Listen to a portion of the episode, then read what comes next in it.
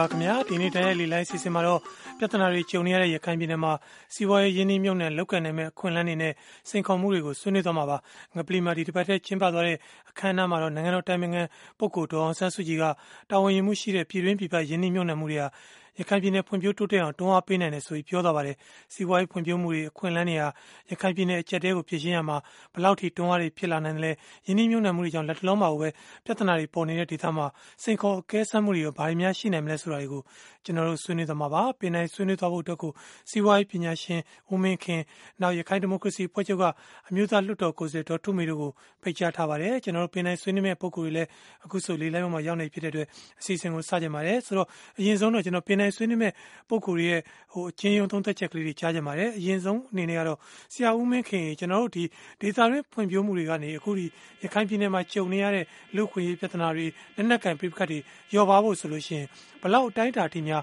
အထောက်အကူ ဖြစ်လာလိမ့်မယ်လို့ များကျွန်တော်တို့မျှော်လင့်နိုင်မလဲ ဆရာအဲကျွန်တော်တို့ ပထမဆုံး ပြောရမှာကတော့ဟိုဘဝပြည်မှာကျန်တဲ့အဆိုအလက်ထက်ကလေးက ပြောခဲ့တာရှိတယ်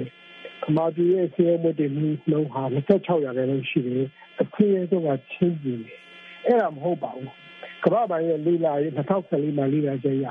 မြန်မာနိုင်ငံရဲ့ဆေးရုံမှုတွေနှုန်းဟာ39.5ရာခိုင်နှုန်းရှိပြီးတော့အခွင့်အရေးဆုံးကရခိုင်ပြည်နယ်ပါဒါပထမဆုံးအများသိထားတဲ့အချက်ပါဒါနံပါတ်1ပေါ့နော်ဒီရင်းနှီးမြှုပ်နှံမှုနဲ့ပတ်သက်လို့ရှိရင်ကျွန်တော်တို့ရခိုင်ပြည်နယ်မှာကျွန်တော်လည်းလည်းစစ်တ င်မှာညှိနှိုင်းနေတာ20လောက်ဒီမှာညှိနှိုင်းနေတာဆိုရင်ကလည်းတစ်ခုမှာအမေရိကန်ဒေါ်လာ10ဘီလီယံကျော်ရှိပါတယ်နော်အဲ့ဒါဒီပြည်တွင်းမှာလည်းပြည်တွင်းမှာရခိုင်ပြည်နယ်မှာလည်းဗမာနိုင်ငံအတိုင်းအတာနဲ့ရှင်ပြီးတော့ကြီးပွားချမ်းသာတဲ့စီးပွားရေးလုပ်ငန်းရှင်တွေရှိပါတယ်။ဒါတော့လေဒီကနေ့ထိရခိုင်ပြည်နယ်ရဲ့အခြေအနေဟာဟာလာ ပြည်သူလူထုအခြေအနေကတိုးတက်မလာတဲ့ဒီပြဿနာတွေတစ်ခုပြီးတစ်ခုထပ်တိုးပြီးကျွန်တော်တို့ရင်ဆိုင်နေရတယ်ကရခိုင်ပြည်နယ်ကိုဟာလာရင်းနှီးမြှုပ်နှံမှုဖိတ်ခေါ်ဒါကြပါရင်းနှီးမြှုပ်နှံရပါဆိုရင်လည်းအဲအဖြေတစ်ခုရလိမ့်မယ်လို့ကျွန်တော်တို့မြင်နေမှုအခုလည်းဒီကြောက်ဖြူခြေလက်စင်စစ်တိုင်းစနိုင်ကြီးကိုဒီကိုရကျွန်တော်တို့ခြေနဲ့တန်းကြီးပိုင်လို့ဟာလေးကျွန်တော်တို့မှရှိနေတယ်ရွှေတန်းကြီးဒီမလေးရှိတယ်နော်ဒါပေမဲ့ကျွန်တော်တို့ရခိုင်ပြည်နယ်ရဲ့ ကိုယ်မျိုးတွေလူမျိုးကြီးဝါရေးနိုင်ငံရေးပြဿနာတွေကတဖြည်းဖြည်းပို့ပြီးတော့ဟိုကြက်တဲလာတဲ့အခြေအနေကိုရောက်တယ်ဆိုတော့နော်ဟိုသွားနေကြလေလို့ခင်တမျိုးကြနေရရင်လည်းဖြည့်ရှင်းဖို့ဒီခိုင်ပြည်နယ်စီးပွားရေးလူမှုခွင့်ရေးကိစ္စတွေပြည်လည်ဖို့ကတော့လောလောဆယ် ဟိုအားကြကြမမြင်သေးပါဘူးခင်ဗျဟုတ်ကဲ့တကယ်တော့တို့ရခိုင်ပြည်နယ်ဆိုတော့ဒီဟိုစွမ်းရည်တို့ကုန်ထုတ်လုပ်ငန်းတို့ဒီခီးသွွားလုပ်ငန်းတွေအတွက်စီးပွားရေးအခြေခံကောင်းနေတကယ်တော့ရှိနေမိသားပါဒါပေမဲ့လည်းဒီဟိုဖွံ့ဖြိုးမှုကဆရာပြောလို့ဆိုရင်အနှိမ်ဆုံးတောင်ဖြစ်နေတယ်တကယ်တော့ဟိုစစ်ဆိုးကဆက်ဆက်ကစီမံခန့်ခွဲမှုကြောင့်ပဲပြောပြောပေါ့နော်တနိုင်ငံလုံးဒီလိုစီးပွားရေးနှိမ့်ချခဲ့တဲ့အထက်မှာရခိုင်ပြည်နယ်ကအခုလိုနှိမ့်ချဆုံးဖြစ်နေရတာအဓိကအခြေခံအကြောင်းရင်းတွေကဘာကြောင့်လဲဆရာအခြေခံအကြောင်းရင်းပြောမယ်ဆိုရင်တော့ ခုနက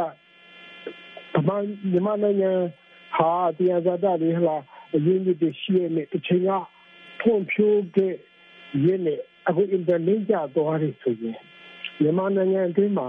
နောက်တစ်ချက်ခုနကမြန်မာနိုင်ငံကျတဲ့အသေးစားနေကြနေတဲ့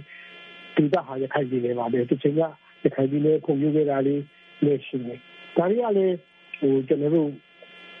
ဒီကိစ္စဆက်ပေါ်လေ ကိစ္စဆက်ရခိုင်အထူးသဖြင့်တော့ဒီစစ်သွေးကဟိုလက်ထက်ဆက်ဆက်မှာရခိုင်ကြီးကအတော်လေးကိုဟိုဟိုရှိလို့ရှုခံရတယ်လို့ပဲကျွန်တော်တို့ပြောရမှာပေါ့နော်ပြောအဲ့တော့ရခိုင်ရဲ့ဟလာဟိုလက်မစတဲ့အခြေခံဆောင်နော်ကွန်ပျူတာတကြီးဟာနော်တကယ်တိပြောင်းလုပ်ခဲ့တာဟိုမရှိတဲ့အပြင်ကျွန်တော်တို့ကဟလာဒီရောက်ဖက်ကမွတ်စလင်တွေကိစ္စတွေနဲ့ဟလာ တဖြည်းဖြည်းဟိုရှိနေရှိပြီးပိတ်ဆို့ခံရတဲ့အခြေအနေဟာအခုလိုတဖြည်းဖြည်းခိုင်ရဲ့ဟိုပိုပြီးတော့ဟိုစီးရဲလာရတဲ့အခြေအနေကိုဟိုမိုးလုံးစက်ကူကတ်လို့ပေါ့နော်ကျွန်တော်တို့ဖြစ်လာတယ်လို့ကျွန်တော်ယူဆပါတယ် ဟုတ်ကဲ့ဆရာဆိုတော့ဒေါက်တုမေရဲ့သဘောထားခင်ဗျကျွန်တော်တို့ဒီရခိုင်ပြည်နယ်မှာစီးပွားရေးအရာနောက်ပြီးဖွံ့ဖြိုးရေးအရာတိုးတက်မှုတွေကကျွန်တော်တို့လက်ရှိဖြစ်နေတဲ့လူခွင့်ရေးပြဿနာတွေလက်နက်ကင်ပြိပခတ်တွေကိုရောပါဖို့အတွက်ဘလောက်တိုင်းတာထိထောက်ကူဖြစ်လာနိုင်မယ်လို့မျှော်လင့်ထားလဲခင်ဗျ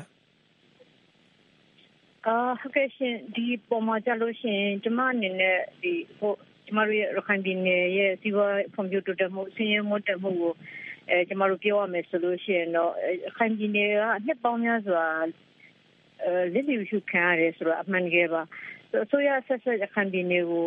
ပြည်နယ်တစ်ခုဖြစ်သတ်မှတ်ခဲ့ပေမဲ့ပြည်နယ်တစ်ခုမှာရှိရတဲ့ကြည်ရန်လက္ခဏာတွေကိုဖြစ်စည်းမပေးခဲ့တာအစိုးရများရဲ့ချုံးချက်ပါဒါကနေပြီးတော့နံပါတ်1အဲတခုပါနောက်တစ်ခုကဘာလဲဆိုလို့ရှိရင်အခုလူခွင့်ရေးချိုးဖောက်မှုတွေရှိလာတယ်အဲလက်နက်ကိုင်တက်ဖွဲ့တက်ခတ်မှုတွေရှိလာတယ်လို့ပြောတာအခုမှရှိတာပါ ဒါရှိရနေပြီးတော့ကျမတို့နေပြီးတော့ဒီ9နှစ်တောင်မှမရှိသေးပါဘူးဟိုဒါကြောင့်မလို့ဒီအကြောင်းအခြေခံအကြောင်းရင်းတရားကဘာလဲဆိုလို့ရှိရင်အုတ်ချုပ်သူများရဲ့အဲမျက်တစွာရခိုင်ပြည်သူလူထုပေါ်မှာနေပြီးမျက်တစွာမဆက်ဆံခဲ့တဲ့ရလဒ်တွေဖြစ်ပါတယ်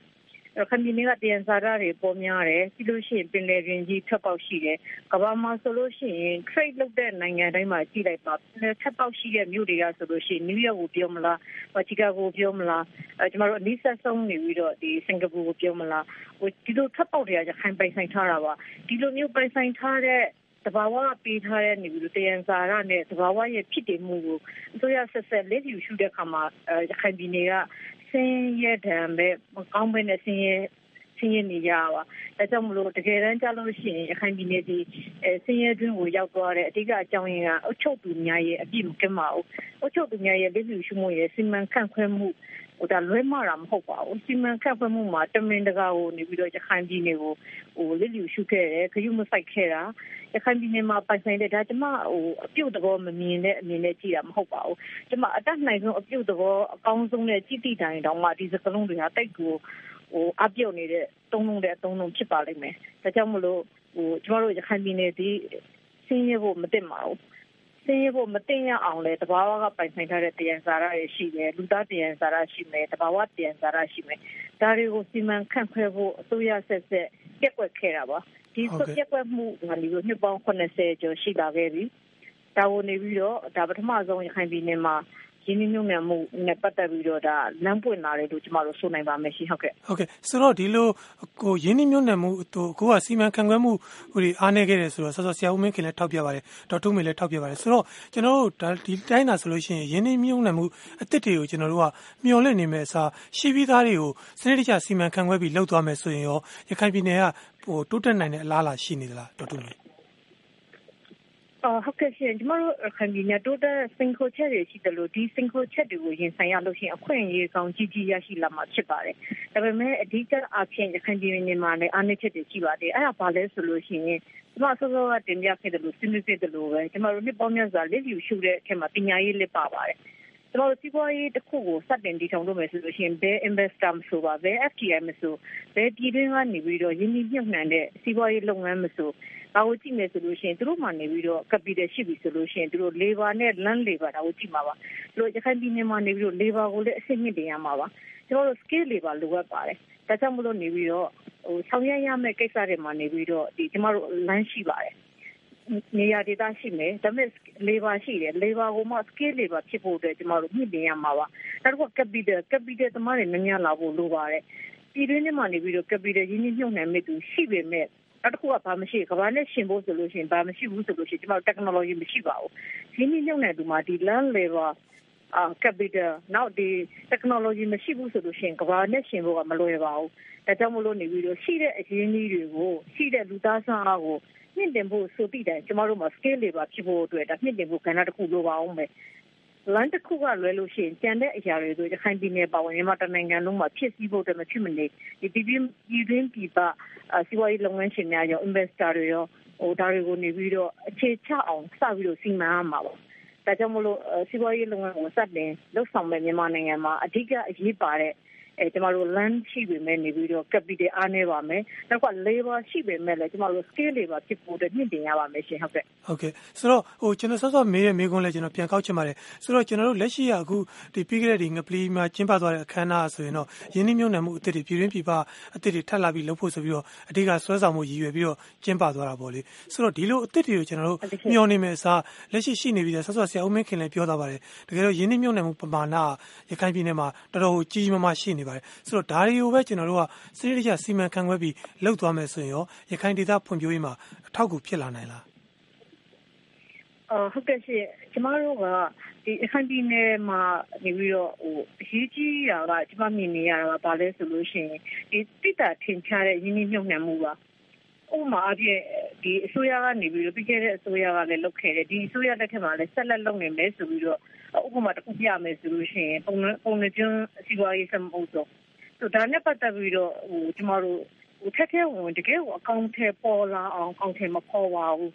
ဆိုတော့ကျမတို့မှာကနေပြီးတော့လုပ်ငန်းတစ်ခုကိုတည်တည်ချာချာဟိုဒီအလုံးလက်မဲ့တွေရောကြအောင်ပြီးလို့ရှိရင်ဒီစီးပွားရေးသမားတွေကလည်းစပြီးတော့အခြေတည်အောင်နေပြီးတော့ ဒီဆုံးဖြတ်ထားတဲ့လောက်ထားတဲ့အလုပ်တွေကိုရုံလုံးပေါ်အောင်လုပ်ရမှာဖြစ်ပါတယ်ဟိုဒါမှမဟုတ်ဘဲနဲ့ခုနလိုမျိုးအစ်စ်အစ်စ်တွေလာမယ်ဆိုလို့ရှိရင်ကျမတို့ရှိမှာအဟောင်းတွေအဟောင်းတွေလေးရှိမှာပါလုံးလက်စောက်ကိုနေပြီးတော့ရုံလုံးပေါ်အောင်ဆောင်ရွက်ရမှာပါဒါကလည်းလိုအပ်တဲ့ဘက်ကအစိုးရဘက်ကဆိုလို့ရှိရင်အစိုးရကအထောက်ပံ့ပေးရမှာဖြစ်ပါတယ်နောက်တစ်ခုကနေပြီးတော့ကျမတို့ဒီ SMB လုပ်ငန်းတွေကိုနေပြီးတော့ခုနပြောသလိုရုံလုံးပေါ်အောင်တချို့ SMB လုပ်ငန်းများဆိုလို့ရှိရင်တော့ပြည်သူတွေအထူးသဖြင့်နေပြီးတော့ဒီ capital နေတဲ့ဒီသူတွေချင်းတက်ဖို့ဟိုဒီလုပ်ငန်းဆောင်တာအဆင့်ဆင့်တွေကနေပြီးကြောက်ထက်ရတာဒီများပါတယ်ဟိုဒီအတားအဆီးကိုလေရှော့ဖို့လိုပါမယ်ရှင်အဲဒါကြောင့်မလို့နေပြီးတော့ဒီရှင်းနေပြီးသားလုပ်ငန်းတွေကိုရင်းနှီးမြှုပ်နှံမှုတွေကိုအစိုးရအနေနဲ့ထက်ကရောအကောင့်တွေရုံလုံးပေါ်အကောင့်ထဲပို့ဖို့လိုအပ်တယ်လို့ပဲတကယ်နေပြီးတော့ဒီ PPP လောက်ရမယ့်လုပ်ငန်းဆိုလို့ရှိရင်လည်းအစိုးရအနေနဲ့တွန်းအားပေးဖို့လိုပါမယ်။ဘာလို့လဲဆိုတော့ကျမတို့နိုင်ငံကဖွံ့ဖြိုးသေးတဲ့နိုင်ငံမဟုတ်သေးတဲ့အခါကြလို့ရှိရင်တော့ အစိုးရရဲ့တစ်ဖက်တစ်လမ်းကဒီ government အဲကနေ intervention တချို့တွေလိုပါအောင်မယ်ရှင်ဟုတ်ကဲ့ဟုတ်ကဲ့ကျေးဇူးပါဆိုတော့ကျွန်တော်တို့ဒီဆွေးနွေးပွဲအတွက်ကိုဟိုပါဝင်ဆွေးနွေးဖို့အတွက်ကိုယ်တိုင်ဆွေးနွေးဖို့ဆက်သွယ်ထားတဲ့ပုံကိုယ်တွေရှိသလို email တွေပေးပို့ထားတာလည်းရှိပါတယ်အရင်ဆုံးတော့ကိုယ်တိုင်ပါဝင်မှုဆက်သွယ်ထားတဲ့ပုံကိုယ်တွေကိုအလှည့်ပေးခြင်းပါတယ်တဦးကတော့ကိုရင်ကြီးစံတော်ဘာသာပါကိုရင်ကြီးစံတော်ဘာသာဆွေးနွေးနေတာမင်းမြန်းနေတာရှိရင်ဆွေးနွေးမင်းမြန်းနိုင်ပါတယ်အဲတိုင်းရတဲ့ဒေသတွေမှာ COA စီမံကိန်း ကြီးတွေလုံးမဲ့ဆိုတော့ဗျာကြိုးဆိုပါတယ်နော်ဒါပေမဲ့ဥပဒေကမပြင်ရသေးတော့တိုင်းရင်းသားတွေဒေသတွေမှာဘယ်တော့ပဲစီးပွားရေးလုပ်လုပ်စေကမူတိုင်းရင်းသားတွေအတွက်ခံစားချက်ကနည်းနည်းလေးတော့ရှိမှာပါဒါကတော့ NLD ကဥပဒေကိုဘယ်တော့ပြင်ပြနိုင်မလဲဆိုတာက NLD လွှတ်တော်ရဲ့အစွမ်းအစနဲ့သက်ဆိုင်ပါတယ်ဗျအတော့ဆင်းနေတာထက်စီးရုံးရေးလောက်တဲ့ကဒေါ်မစုကြီးပြောပြတဲ့စကားရှိပါတယ်တိုင်းရင်းသားတွေမိမိတို့ကကြမှာကိုမိမိတို့မဖတ်ပြီးနိုင်သေးနဲ့မြန်မာနိုင်ငံဒီမိုကရေစီမရနိုင်ဘူးလို့ဆိုပြပါတယ်နော်မှန်ပါတယ် ဒေါ်လာရည်နောက်ပိုင်း NH60 တက်တာမှာတိုင်းရင်းသားဒေသတွေမှာဟောက်တီပတ်တီဘာမှတိုးတက်ခဲ့တာမရှိပါဘူးဟုတ်ကဲ့ပါဆိုတော့ကျွန်တော်နောက်တူကိုလည်းလှည့်ပေးချင်ပါတယ်ဥကျော်တောင်းဖြစ်ပါတယ်ဥကျော်တောင်းဥကျော်တောင်းဆွေးနွေးချင်တာမင်းမြင်နေတာရှိရင်လည်းဆွေးနွေးမင်းမြန်းလို့ရပါတယ်ဟုတ်ကဲ့ပါ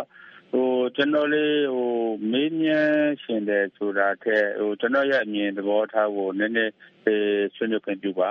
ဟိုကျွန်တော်တို့ဟိုတိုင်းပြည်ဒီဒီပြန်လည်တည်ဆောက်တဲ့ကာလတစ်ခုကိုအခြေခံကြကြမတော်ဘဲနဲ့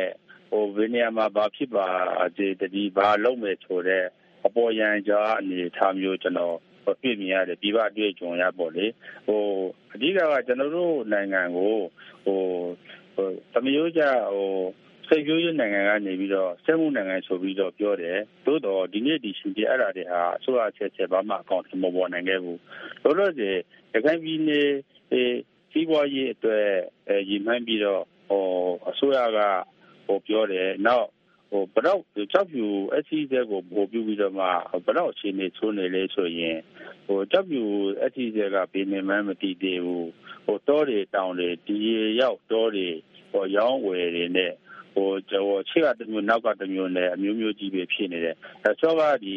ဟိုပြည်သူ့လူတော်ကိုယ်စားလှယ်ကြီးတော့ထုံးမေပြောသလိုကျွန်တော်တို့မှာဒီအရှိခံကြတဲ့ဟိုမီးတို့လမ်းတို့ဟိုဟိုတခြားသောဗန်စနစ်ဆိုတာတွေတော့ဟိုတည်ကြပါသေးတယ်ထားလိုက်ပါအောင်လို့လို့စီရခိုင်ပြည်နယ်ကိုဟိုရော့အင်းလို့လုပ်ဖို့နေနေတာလားလက်ရှိအခြေအနေမှာရခိုင်ပြည်သူတွေရခိုင်ပြည်မှာထွက်တဲ့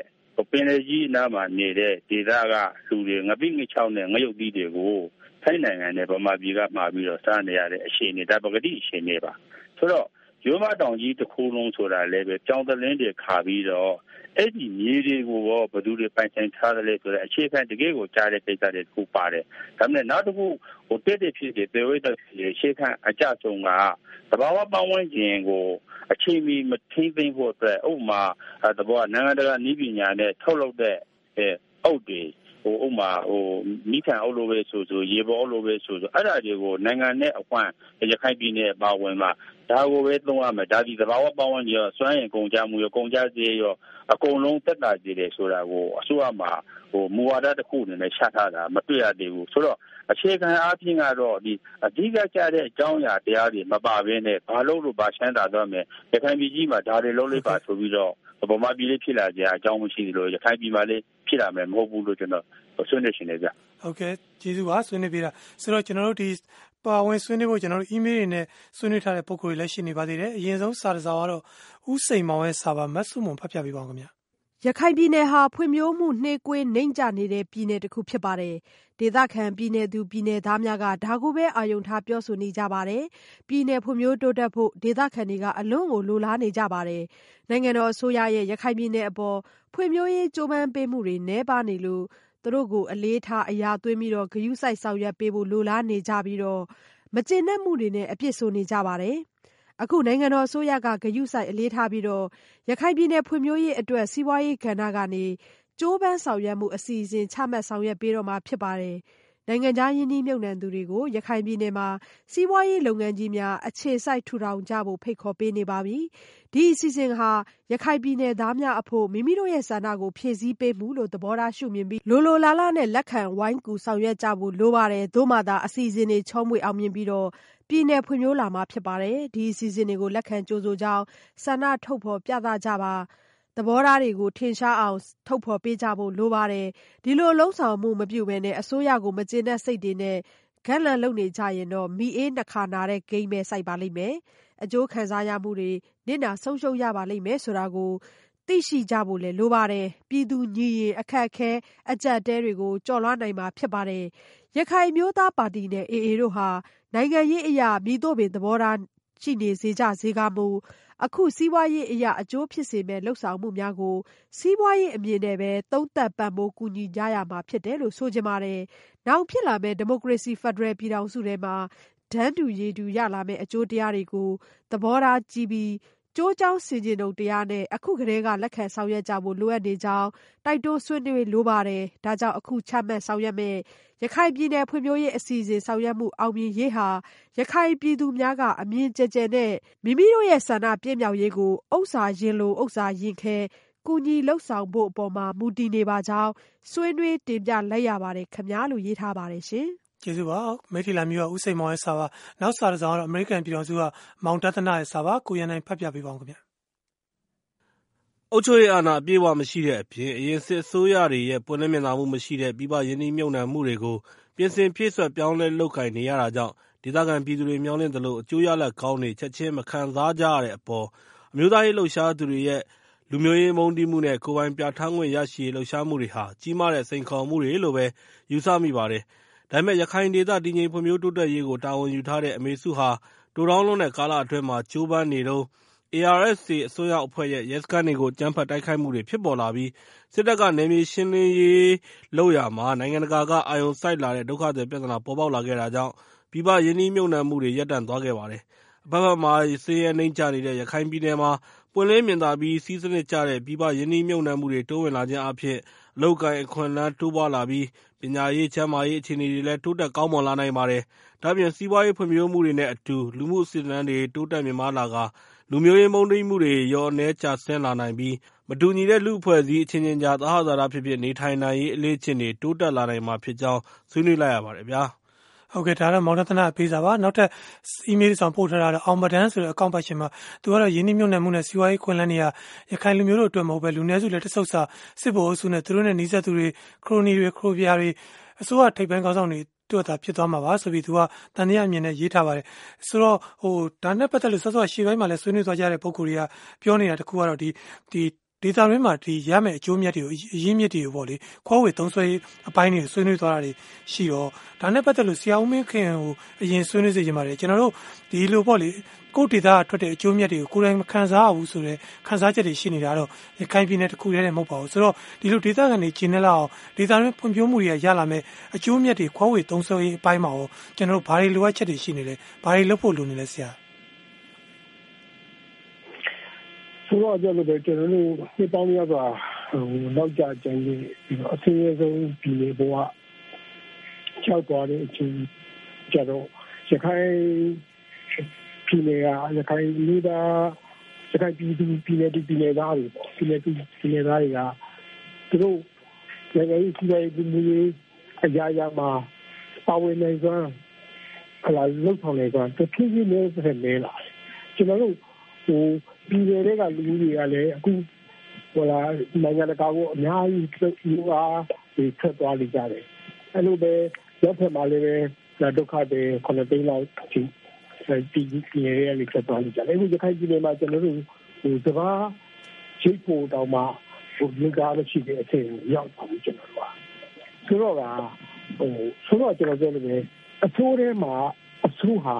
ရခိုင်ပြည်နယ်ပဲ ကမ္ဘာ့မှာရင်းနှီးမြှုပ်နှံမှုတွေကျွန်တော်တို့ဝင်နေဒါပေမဲ့အဲ့ဒါတွေကပြည်တွင်းလုပ်ငန်းတွေတိုးတက်လာဖို့အတွက်ချီအောင်လုပ်ပေးနိုင်လေဘူးပြည်တွင်းလုပ်ငန်းတွေလက်တွေ့အလုပ်လုပ်ဖို့ဟလာ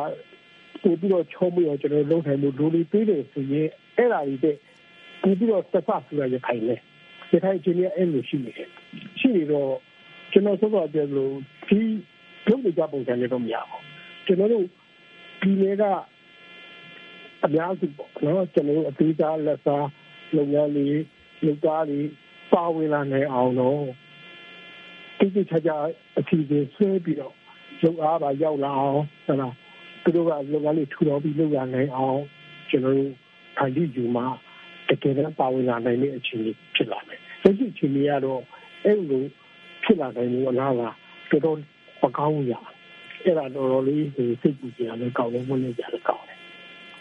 ဟုတ်ကဲ့ပါဆရာကျွန်တော်တို့ဒီနောက်ထပ်တော်တာရှင်တယောက်ပေးထားတဲ့စာလည်းဖော်ပြကြပါတယ်။သူကတော့ဦးလာထွန်းတကုံမျိုးစစ်ကရေးထားတာပါ။သူကတော့ရခိုင်ပြည်နယ်ပြဿနာကိုဖြေရှင်းရမှာတဲ့စီးပွားရေး ဖွံ့ဖြိုးရေးနည်းလမ်းကလှုပ်တဲ့နည်းလမ်းတစ်ခုဆိုတာရှင်းပါတယ်မှန်ပါတယ်ဒါပေမဲ့စီးပွားရေးတနည်းပြောရရင်ငွေကြေးတန်ဖိုးနဲ့လူသားချင်းစာနာထောက်ထားမှုလူမျိုးတစ်မျိုးရဲ့ရည်တည်မှုကိုယ်ပိုင်ပြဋ္ဌာန်းခွင့်တနည်းပြောရင်လူမျိုးနယ်တစ်ခုရဲ့လူသားဆိုင်ရာဂုဏ်သိက္ခာကိုဝယ်လို့ရနိုင်တယ်လို့ခံယူနေမယ်ယုံကြည်နေမယ်ဆိုရင်တော့ရခိုင်ပြည်နယ်ဒေသတစ်ခုလူမျိုးရေးလက္ခဏာနဲ့ဂုဏ်သိက္ခာကိုငွေကြေးတန်ဖိုးနဲ့တည်လို့ရမယ်လဲလို့ရမယ်ဆိုတာလုံးဝမဖြစ်နိုင်တဲ့စိတ်ကူးယဉ်မှုသာဖြစ်ပါလိမ့်မယ်ဒါ့အပြင်နိုင်ငံတကာနဲ့ပြည်တွင်းကပြည်သူတွေစိတ်ပူနေတဲ့တရုတ်နဲ့ရခိုင် တရုတ်ရဲ့ရခိုင်ပြည်နယ်ကိုမျက်စိကျနေတဲ့မဟာဗျူဟာကိုဖုံးကွယ်လှည့်စားဖို့ကြိုးစားမှုတက်တက်ဖြစ်မယ်ဆိုရင်လည်းလုံးဝမအောင်မြင်နိုင်တဲ့နိုင်ငံရေးလမ်းစဉ်တစ်ခုသာဖြစ်မှာပါတဲ့ရခိုင်ရဲ့မဟာဗျူဟာကျတဲ့ ထဝီအနေထားနဲ့ရခိုင်မှာအဖိုးအထန်ဆုံးသဘာဝတည်ရန်ဇာတ်ဖြစ်တဲ့ rare earth သတ္တုကိုလက်ဦးမှုယူဖို့ကြံစီနေတာကိုဖုံးကွယ်ဖို့ဆိုရင်ဒါလည်းလေတဲ့တိုက်ရင်စောင့်နေတာပဲဖြစ်မယ်ဆိုတော့တွေးလာရမယ်ဆိုတော့စောင့်ကြည့်ကြပါဆိုပြီးသူက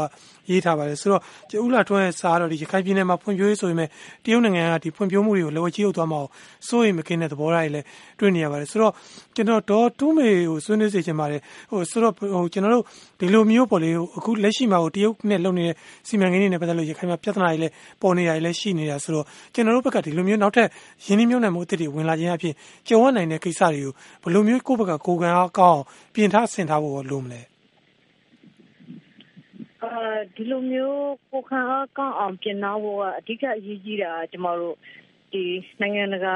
တရုတ်ကလည်းပဲ ILO အဖွဲ့ဝင် WTO အဖွဲ့ဝင်တစ်ဖွဲ့အဖွဲ့ဝင်ဖြစ်ပါတယ်ဆိုတော့ WTO အဖွဲ့ဝင်များလိုက်နာစောင့်စည်းရမယ့်နိုင်ငံတကာ practice တွေကိုနေပြီးတော့ အဲသူတို့လိုက်နာကျင့်သုံးဖို့အတွက်ကျမတို့ကတွန်းအားပေးရပါမယ်နောက်တစ်ခုကဘာရှိလဲဆိုလို့ရှိရင်ကျမတို့ဒီတရုတ်နိုင်ငံယင်းဒီမြုံနှံမှုတွေကိုကျမတို့ကြောက်ဖြူ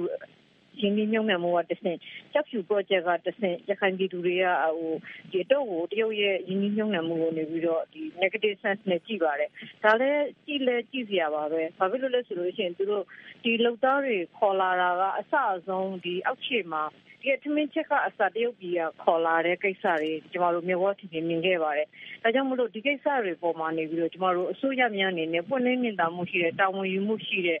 ဒီဥပဒေတရက်လုံထုံးလုံးကြီးတွေကိုအစိုးရဘက်ကတာဝန်ယူရမှာဖြစ်ပါတယ်။တစ်ဖက်မှာလည်းကျွန်မအစိုးရဆွေးနွေးခဲ့တဲ့အတိုင်းပဲကျွန်တော်တို့ labor တွေကိုမြင့်တင်ဖို့လိုပါမယ်။ဆိုတော့ဒီပြည်သူတွေကို